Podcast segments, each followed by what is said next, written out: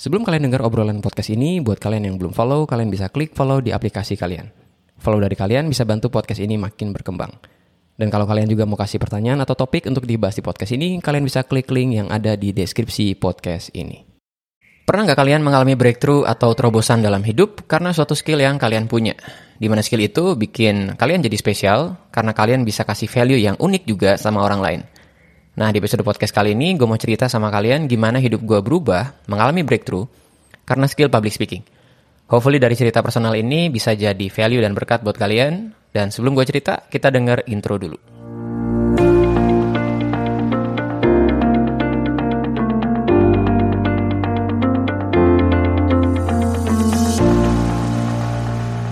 Halo semua, kalian lagi denger podcast Pak Kris, podcast yang bahas tentang hal-hal yang bikin potensi kalian berkembang, yang eventually akan bikin kalian jadi bernilai atau valuable untuk orang lain. Nah, podcast ini punya tema bulanan, setelah bulan lalu kita ngomongin tentang uang, khususnya gimana uang yang kita dapat itu bukan hanya untuk kita, tapi bikin kita bikin hidup kita jadi bermanfaat untuk orang lain.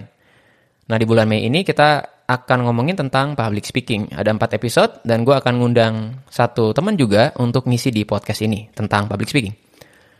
Nah sebelumnya gue harap kalian dalam keadaan sehat dan sekarang lagi menikmati liburan bareng keluarga mungkin ya. Gue mau ngucapin selamat Idul Fitri buat kalian yang merayakannya. Mohon maaf lahir batin. Terutama kalau podcast ini mungkin bikin kalian tersinggung, marah, atau malah jadi gak suka sama gue. Anyway, saya minta maaf kalau ada dari podcast Pak Kris ini yang gak berkenan sama kalian. So, podcast episode pembuka tentang public speaking ini gue memilih untuk berbagi cerita sama kalian gimana kemampuan public speaking itu mengubah hidup gue. Jadi bener-bener beda karena public speaking. Nah itu dimulai dari tahun 2010, jadi it's been 12 tahun ya, gue menekuni public speaking ini. Tapi breakthrough-nya sendiri itu dimulai tahun 2015, jadi 5 tahun kemudian. Dan sampai sekarang gue mengandalkan kemampuan public speaking ini untuk meningkatkan kualitas hidup gue dan keluarga gue. Uh, puji Tuhan gue jadi cukup dikenal, jadwal gue juga jadi padat karena banyak diminta tolong orang untuk ngomong di webinar, seminar, workshop, dan khotbah di gereja dan sebagainya. Lalu itu berdampak pada income gue yang bertambah, bahkan beberapa kali karena gue nyatat semua uh, keuangan gue dan keluarga. Beberapa kali, beberapa bulan, itu melebihi income gue dari pekerjaan utama sebagai dosen.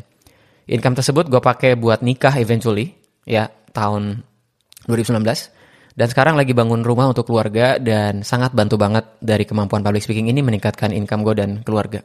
So gimana cerita detailnya? Kalian bisa dengar podcast ini sampai akhir podcast ini, ini disclaimer dikit ya, podcast ini gak bermaksud untuk banggain diri sendiri.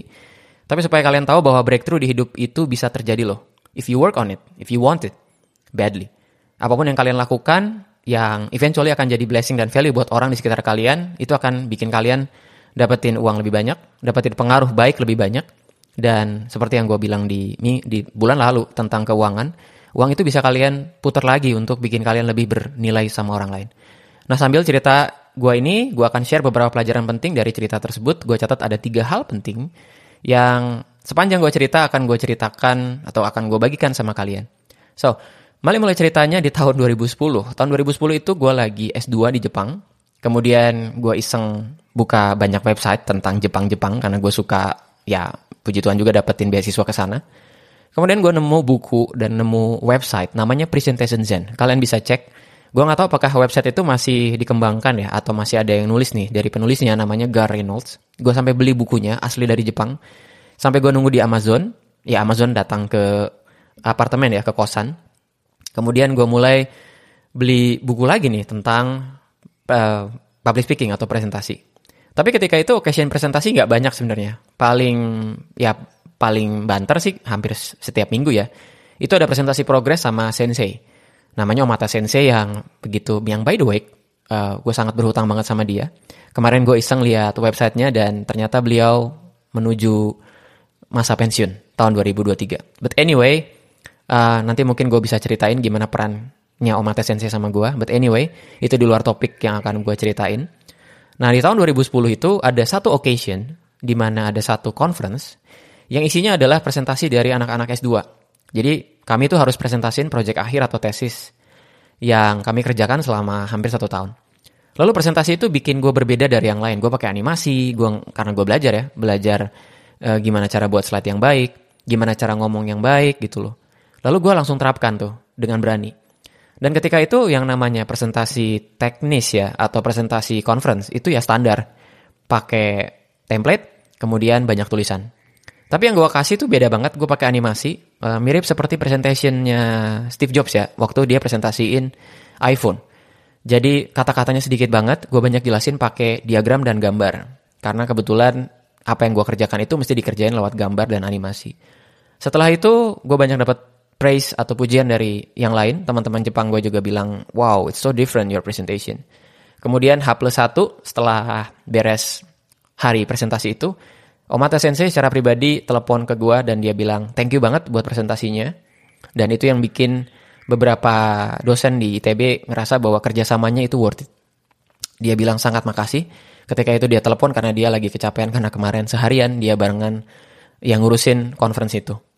Jadi itu adalah satu pujian pertama kali yang gue dapetin gara-gara gue presentasi dengan cara yang berbeda, punya public speaking yang berbeda. Abis itu gue nyadar bahwa this is a real skill gitu loh. Gue nggak mikir tentang income yang bakal gue dapetin nanti. Tapi ini lesson pertama buat gue sendiri dan buat kalian. Apa pun itu, itu sebenarnya dimulai dari interest kalian. Gue nggak kebayang gara-gara gue suka dengan satu website presentation Zen ini, gue sampai beli bukunya. Lalu gue ngeliat kayaknya seru ya kalau bisa presentasi dengan cara yang berbeda, bisa kasih value yang beda sama orang lain dibandingin dengan ya presentasi yang pada umumnya, terutama di bidang gue yang sains dan teknologi ini. Dan gue gak mikir nanti bakal jadi apa. Tapi itu dimulai dari interest. Jadi ada satu shout out yang mau gue bilang sama kalian. Mungkin kalian ngerasa lagi terjebak di pekerjaan sekarang.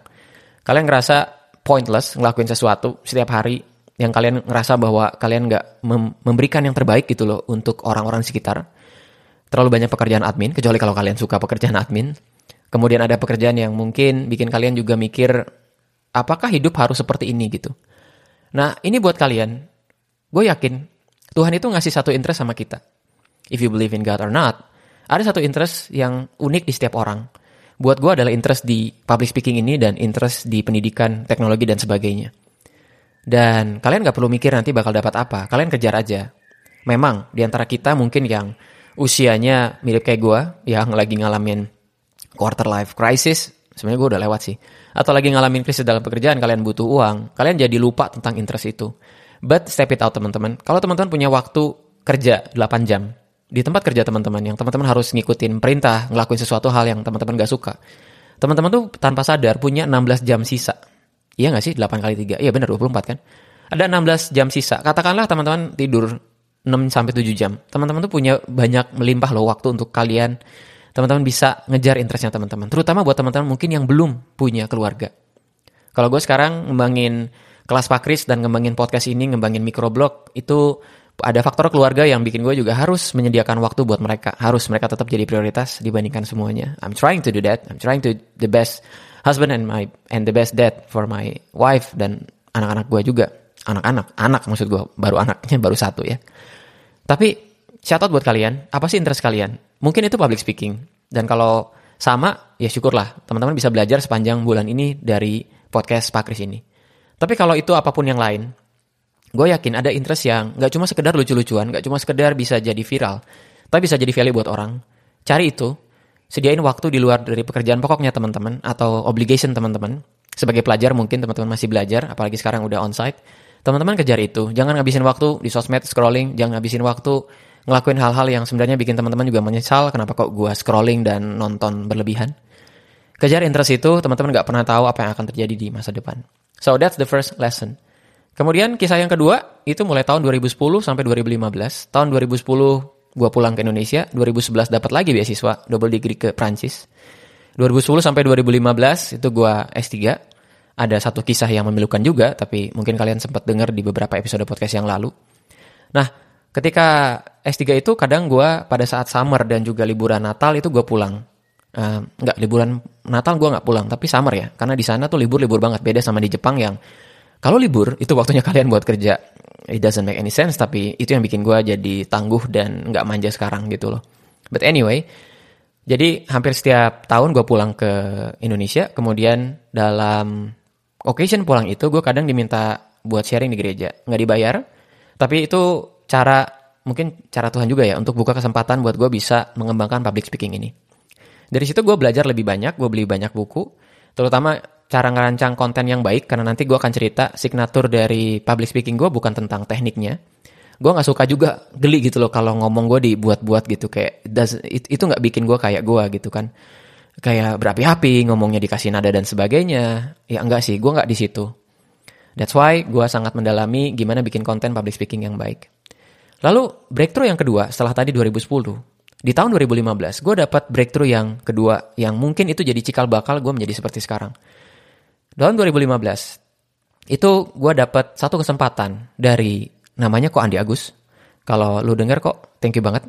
Gue nggak mungkin nggak pernah secara personal bilang thank you, tapi mungkin pernah ya bilang thank you sama dia.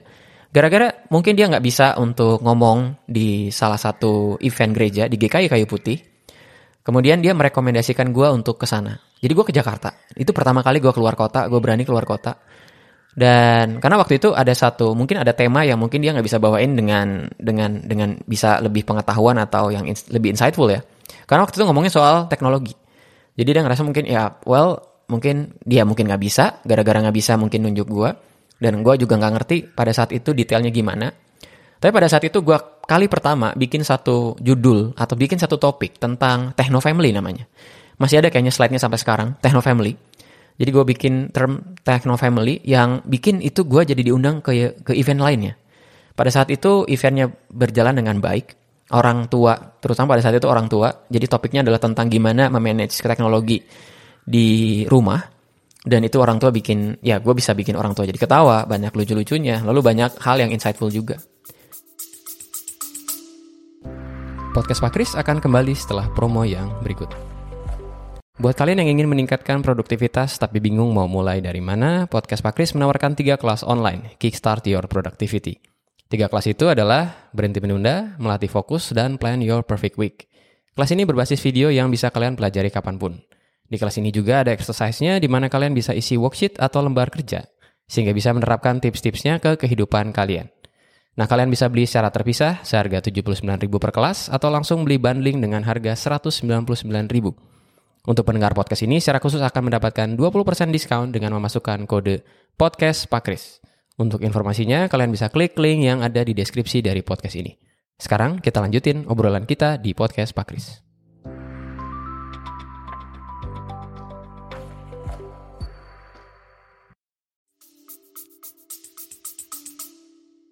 Nah, gue mau nyampein satu lesson lagi nih, lesson yang kedua.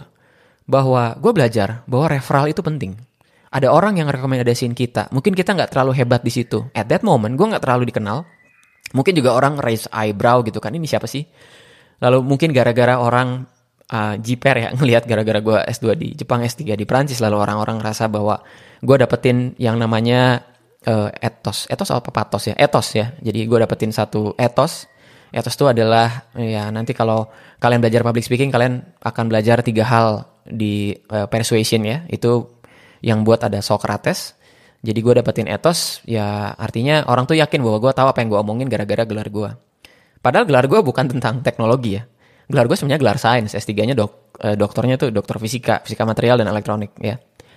Nah, jadi gue ulangi lagi lesson yang kedua, bahwa referral itu penting. Kalau ada orang yang rekomendasiin kalian untuk ngomong atau untuk melakukan sesuatu, jangan sia-siain.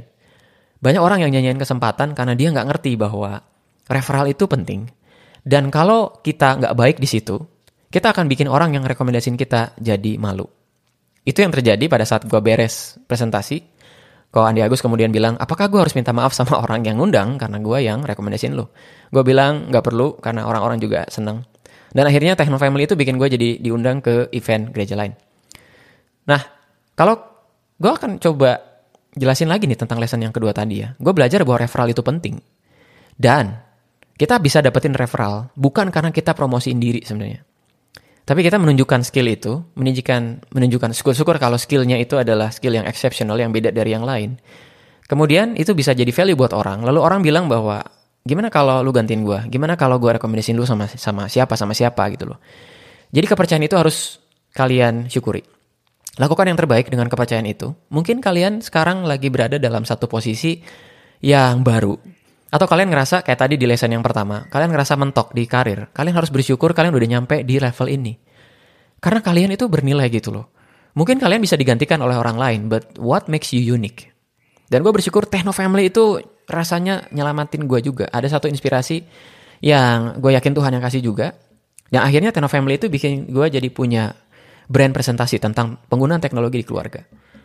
Lalu uh, untuk mempersingkat cerita, karena gue juga nggak lupa tentang detailnya. 2015 sampai 2017 itu dipenuhi dengan event gereja, event sekolah, ngomongin soal Techno Family. Sempat ada beberapa tema yang di luar itu, dan gue bersyukur bisa um, doing well di situ ya.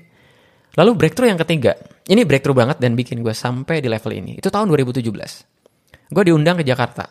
Itu pun karena rekomendasi dari Ko Andi Agus. Dan di sana, kepala sekolahnya berani untuk ngasih gue uh, kepercayaan buat ngomong di depan orang tua yang jumlahnya bikin gue panik. Aulanya gede banget. Itu mungkin tempat yang terbesar yang pada saat itu ya, gue ngomong di depan orang. 300-an bikin gue panik juga. Gue datang pagi ke Jakarta, itu pun sempat salah alamat. Dan pada saat itu kepala sekolah SMP 4 BPK Penabur, Ibu Rita Wanti, yang juga sering dengar podcast ini, itu bersedia untuk bertaruh bahwa gue bisa ngomong di depan orang tua. Mungkin ketika itu kok Andi Agusnya nggak bisa. Atau mungkin temanya kayak tadi di GKI Kayu Putih bahwa mungkin itu temanya sangat spesifik buat orang kayak gue yang punya latar belakang sains, pendidikan, dan juga teknologi. Dan di situ ada satu presentasi, adalah satu presentasi yang menurut gue salah satu yang terbaik. Gue bisa menangani atau ya berdampingan dengan rasa gugup, rasa takut. Walaupun di awal gue sempat salah ngomong, bikin pengurus sekolah jadi nggak suka.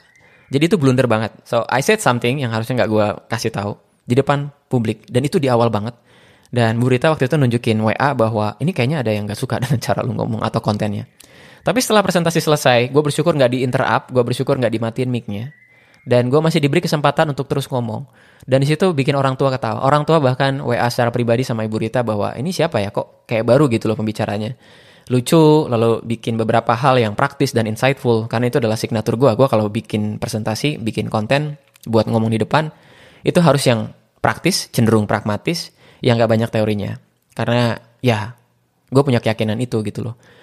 Lalu um, beres event, itu pengurusnya sampai ngomong bahwa iya bagus pak gitu. Tapi, nah itu ada tapinya tuh gak enak tuh ya kalau udah ada orang ngasih kritik lalu tapi. Lalu gue say sorry, gue bilang bukan bermaksud gue untuk salah ngomong. Dan di situ pengurusnya menerimanya. Abis itu ya the rest is history sampai gue ke level ini diundang ke mana-mana, terutama di Jakarta, apalagi ketika pandemi, gue nggak usah ke Jakarta lagi. Itu blessing in disguise juga. Dan hampir setiap Sabtu, wah belibet, hampir setiap Sabtu, itu gue ke Jakarta untuk ke event sekolah, event gereja. Bahkan sempat satu hari itu gue ngomong di tiga event, ngomongin hal yang sama. Teman-teman gue bilang, lu nekat ya, dari Gading ke Rengas Dengklok, kalau nggak salah, atau ke Depok, sorry, ke Depok, ke GKI Pasi Gunung, kemudian balik lagi ke ke uh, Gading. Pada saat itu gue masih pacaran sama istri ya istriku yang sekarang ya gitu. Kok istri yang sekarang? Emang istri ada berapa? But anyway gue sangat bersyukur gue happy banget. Dan sekarang mungkin gak bisa gue lakukan lagi karena ya jauh ada keluarga juga. Tapi gue bersyukur itu adalah satu pengalaman dan referral orang lagi sekali lagi bahwa itu penting gitu loh. Referral itu penting ya. Jadi gue bersyukur buat orang-orang yang mau bertaruh sekarang referensinya buat kalian. Gue yakin ada orang yang bertaruh loh buat kalian. Gue bertaruh bahwa anak muda ini bisa. Gue bertaruh bahwa dia bisa. Entah itu event uh, sekolah lomba atau ya hanya sekedar uh, siapa yang terbaik di antara divisi di di tempat kerja atau prestasi gitu loh. Ya mungkin kalian dapetin privilege untuk direkomendasiin sama orang.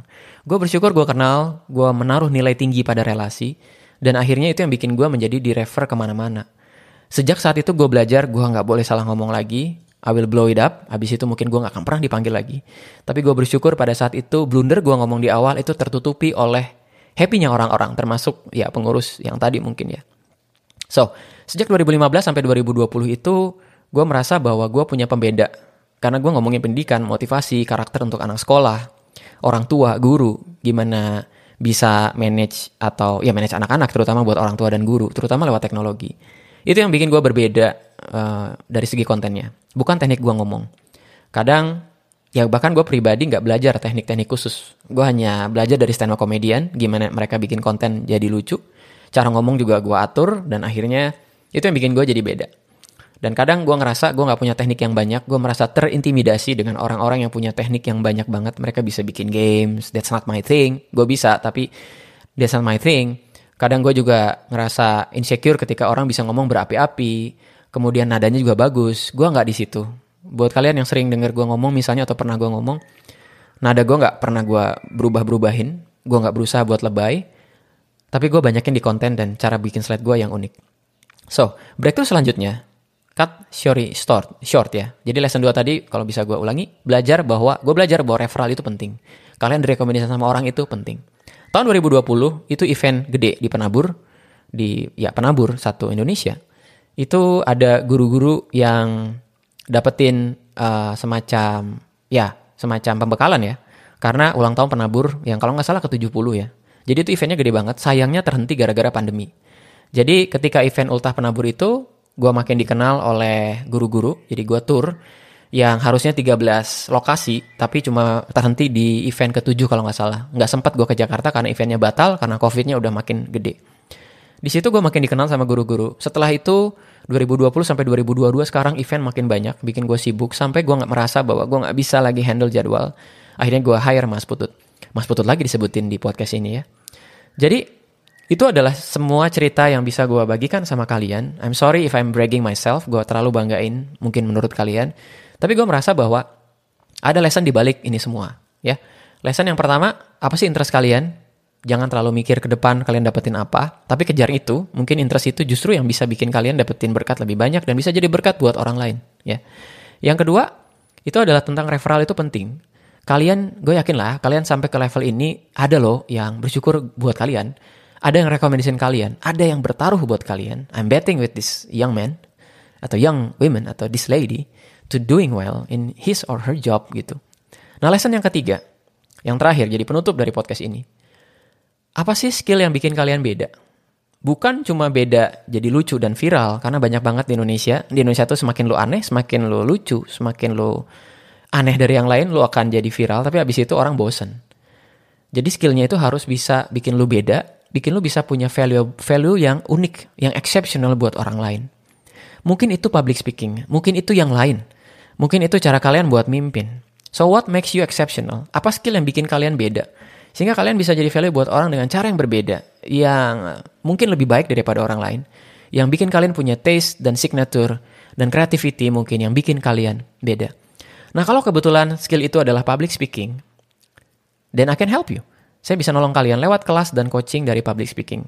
Loh kok mungkin kalian mikir ujung-ujungnya kenapa jadi promosi, tapi ya izinkan gue buat uh, pitching ke kalian di podcast yang gratis ini dan kalau kalian bisa support podcast ini dengan kasih traktiran gue mie ayam, gue akan sangat berterima kasih. Dan izinkan gue untuk bantu kalian lewat public speaking, coaching, dan juga kelas ini. Kelasnya cuma sekali, sisanya adalah kalian dilatih sama gue untuk bikin konten.